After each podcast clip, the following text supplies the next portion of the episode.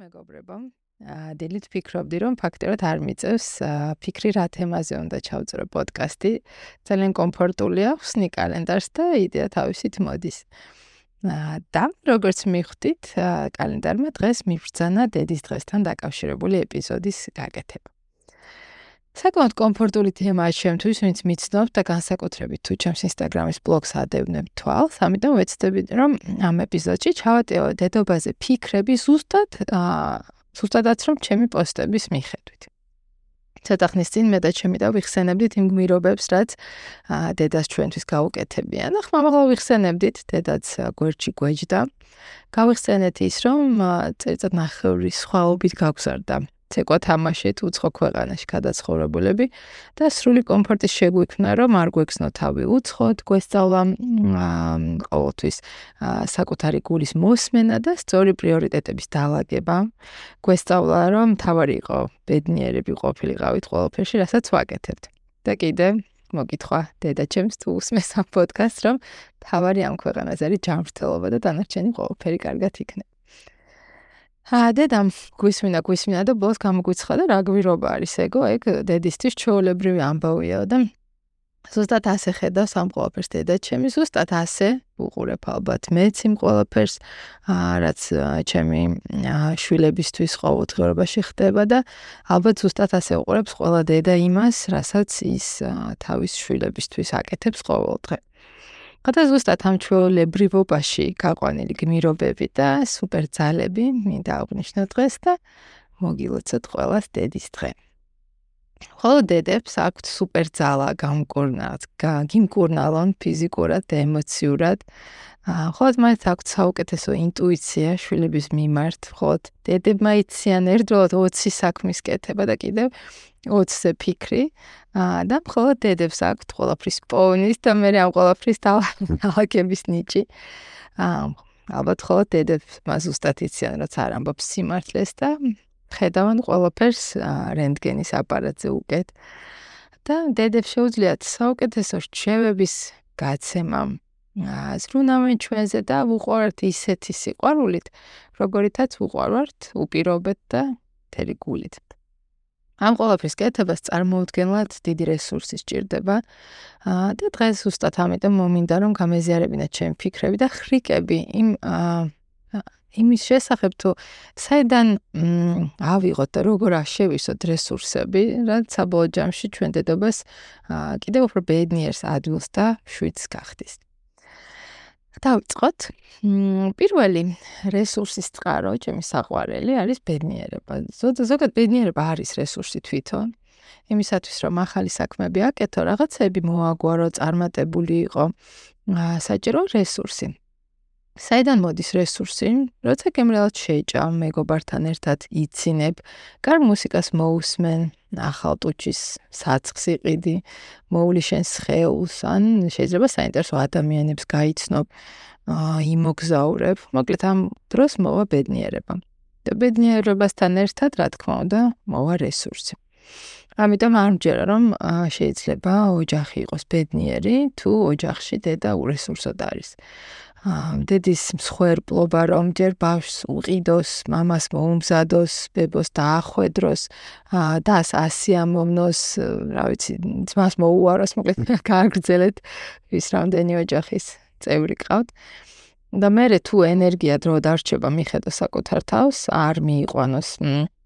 ახლა არ მიიყვანს რეალურად არაფერ კარგამდე. აა და ბანალურ მაგალითს მოვიყვან. თეთრფინავში ყოველს გვახსოვს ჟანგბადის ნიღაბი, რომ ჯერ დედამ უნდა გაიკეთოს და მე ბავშვს გაუკეთოს, გვენა რომ ბედნიერებაზეც უბრალოდ ეგ ამბავია. ბედნიერების ნიღაბის ჯერ დედამ უნდა გაიკეთოს და მე შვილებმა და ყველა დანარჩენებმა. აა ზოგადად თუ დედა არის ბედნიერი, მამაც ბედნიერია, ბავშვებიც ბედნიერები არიან, ბედნიერი მშობლების გარემოცვაში. ამიტომ შემდეგში როცა ჩვენი ბედნიერების უკან ჩაჩოჩებას გადავწყვეთ, სხვის ბედნიერების მოსაწყობა და ვფიქრდეთ, იქნება თუ არა მათი ბედნიერება ნამდვილი ბედნიერება ჩვენი ბედნიერების გარეშე. აა და ჩავეწეროთ იმ მასაჟზე, რომელზეც მოცნებობდით, ან წავიდეთ მეგობრებთან ერთად ქალაქგარეთ უიკენდზე, ან საცეკვოთ მაინც წავიდეთ, ან ბოლოს და ბოლოს, რა ვიცი, წამოვწვეთ ახალი ციგნით ხელში. იმიტომ რომ დაღლილობას აქვს დაგროვების უნარი. შეიძლება იფიქრო, რატომ ვარ დაღლილი დღეს თითქოს არ გადავტვირ თუ არ ძალიან, მაგრამ რეალურად დაღლილობა შეიძლება ძალიან დიდი ხნის დაგროვილი იყოს და ერთი წამოწოლო კი არა, რა ვიცი, ორი თვის სრულმა უსაქმრობამაც ვერ უშველოს. ხო და მოკლედ მნიშვნელოვანია რომ დავუთმოთ ჩვენ თავს 1 საათი მაინც დღეში და სასწაული ამბები მოხდება ამ დროს. მეორე ხრიკი რესურსის შევსების ასეთი მაქვს. ყოველთვის როცა გადაღლილი ვარ, ბავშვები ჩხუბობენ ან ტირიან ან რა ვიცი აბრაზებენ სხვებს, მაგ დროს წარმოვიდგენ, რომ 70-80 წლის ვარ. შვილები უკვე დიდები არიან და უცებ მომეცა საშუალება, რომ დავბრუნდე წარსულში და ვნახო ჩემი გაბრაზებული მოჩხუბარე ტირალაშვილი, ვიყო დაღლილი გამოუძინებელი, მაგრამ ახალგაზრდა და სიყვარული ცავსე. ვერც კი გადმოცემ როგორ მეხმარება ეს პრაქტიკა ცხოვრებაში, ნებისმიერ კონდიციაში და გარემოებაში ვიფსების სიყვარულით და მადლიერებით და ძალიან მიჩუხდება ხოლმე გული ლილის გაბრაზებული აა კივილიც კი מחარებს ეგეთ დროს. ძალიან მაგარი ხრიკია და აა ჩემი გამოსტილებით მარტო ბავშვებთან იმართებაში არ ვიყენებ საქმეში, სამსახურშიც, ნებისმიერ სიტუაციაში, არ ვიცი, აი საცობშიც კი ემადგება ხოლმე, იმიტომ რომ ისიც კი შეიძლება გაგიხარდეს, რომ საცობში ხარ და რაღაცა გარშემო ამდენი რაღაცა ხდება ახალგაზრდა კარგი და გახარებული და რაღაცა გადასავლებ თავგადასავლებით სავსე ხარ. მესამე ხრიქს ასე დავასათაურებ ფაიფურის თეფშების ხრიკი. ყველა ლაპარაკობს დროის გადანაწილებაზე, იმაზე თუ როგორ შევათავსოთ სამსახური და ოჯახი, რაღაცა ეს ბალანსი, ცხოვრება, სამსახური, როგორ ვიყოთ ერთდროულად კარგი დედა, წარმატებული და მოწესრიგებული თანამშრომელი, ყურადღებიანი მეგობარი, მოვლილი, ნავარჯიშები მხიარული, ხონციებებზე მოსიარულე, მოგზაურობასაც რომ ასტრეს და თან სახლის სულ წესრიგში რომ აქვს. კიდე რა ვთქვათ, ენერგიის სავსე რო არის რაღაც რომანტიულ ურთიერთობებში და თან მუდმივად ზრუნავს საკუთარ განვითარებაზე და ახალი უნარების შეძენაზე. აა ხო ისენ კამერა მარტო ჩამოთვლით დავიღალე სულ რომ არაფერი ვთქვათ ამ ყველაფრის ასრულების სტელობაზე რეალურ ცხოვრებაში. ისე მოხდა რომ ინსტაგრამი ძალიან ლამაზად და ფერადად აჩვენებს სხვა ადამიანების ცხოვრებას და ზოგადად სოციალური ქსელები, Facebook-ი აა და ხშირად ჩემსაც ვკითხავთ, რომ აი როგორ ასწრებ ამდენს. ამიტომ ამ ჩამონათვალში აუცილებლად ცოტა გაგიზიაროთ ჩემი ერთი წესი, რომელიც ადრე რომელიღაც TED Talks-ი მოვისმინე და ძალიან გავითავისე. და ამ წესს ასე დავარქვავ, დავარქვათ თეფშებით ჟონგლირების წესი. წარმოიდგინეთ, რომ ყველა ის საქმე, რაც ზემოთ ჩამოვთვალეთ, თეფშებია და ჩვენ ამ თეფშებით ჟონგლირობთ. თუმცა რომ დააკვირდა ყველა თეფში სხვადასხვა მასალის არის. ზოგი ფაიფურია, ზოგი პლასმასი, ზოგი საერთოდ ქაღალდი ან რა ვიცი, რკინა. ხო და ამ თეფშებს, რომელიც ფაიფურია, უფრო ყარათ უნდა მოკიდო ხელი. უფრო მეტი ყურადღება და დრო მიაქციო. ძირშომ არ დაავარდეს, არ გატყდეს. ქაღალდის თეფშები კი შეიძლება საერთოდ გაუშვა ხელიდან. არ არსებობს იჟონგლირო 10 თებშით ისე რომ რამოდენიმე მაინც არ დაგივარდეს, არ გაგიტყდეს. ხო და შეგვიძლია ავარჩიოთ ცხოვრების რა ეტაპზე, რომელი თებშია ჩვენთვის ფაიფურის. დღეს სამსახურია, ხვალ შეიძლება დასვენება იყოს. ახლა ბავშვებია, მოვადრო, მოგზაურობა იქნება. ან კარიერა, ან ისევ დასვენება, ნებისმიერ რამ, რასაც ჩვენ გადავწყვეტ. ეს პრინციპი ძალიან მეხმარება რაღაც სწორი ფილტრის დადებაზე, ნებისმიერ საქმეზე, რასაც ვაკეთებ.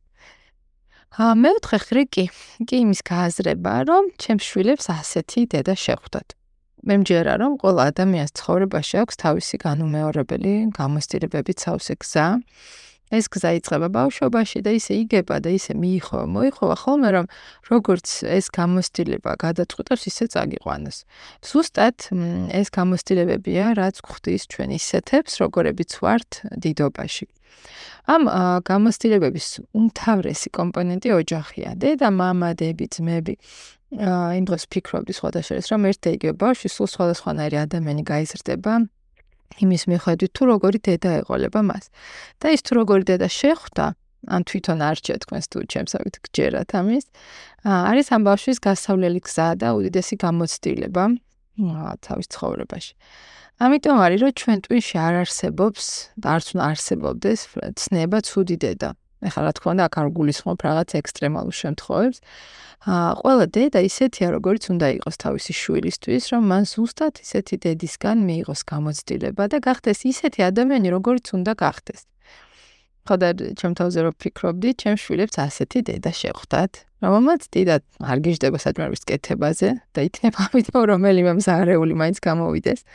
ძალიან უყვარს მუშაობა და სხვადასხვა იდეების განხორციელება. ანახან თავისუფალი დროის ხარჯეც ხის ამწუხარად. ხარიცის დასვენება და გვიანისწავლა საკუთარი თავის სიყვარული, მაგრამ რო ისწავლა უკვე კაია. უყვარს მოგზაურობა დედამიწაზე ყველაზე ძალიან აა კიდე რა გიждდება მუსიკაზე, რაღაც რომანტიკულ ფილმებზე. მეშინია სახში მარტო დარჩენის. აუცეფიცის ფიქრებში წასვლა და შეიძლება ვერ გაიგოს რას ეუბნებიან. აა კიდე ბავშვებთან თამაშს ურჩევნია ბავშვებთან ერთად ციგნების კითხვა. უყვარს ყველაფრის წინასწარ დაგეგმა და ნერვები ეშლება რამე თუ გეგმის მიხედვით არ მიდის. და ეს ყველაფერი ჩემი შვილების ცხოვრების გზის ნაწილია. აა მათი გასავლელი და გამოსაცდელი და მათ რეალურად ასეთი დედა შეხვდათ. საბოლოო ჯამში კი ვიცი რომ ისინი ზუსტად ისეთი ადამიანები დადგებიან, როგორებიც უნდა დადგნენ და ასეთი დედის, მამის, ოჯახის და მეგობრების დამსახურება.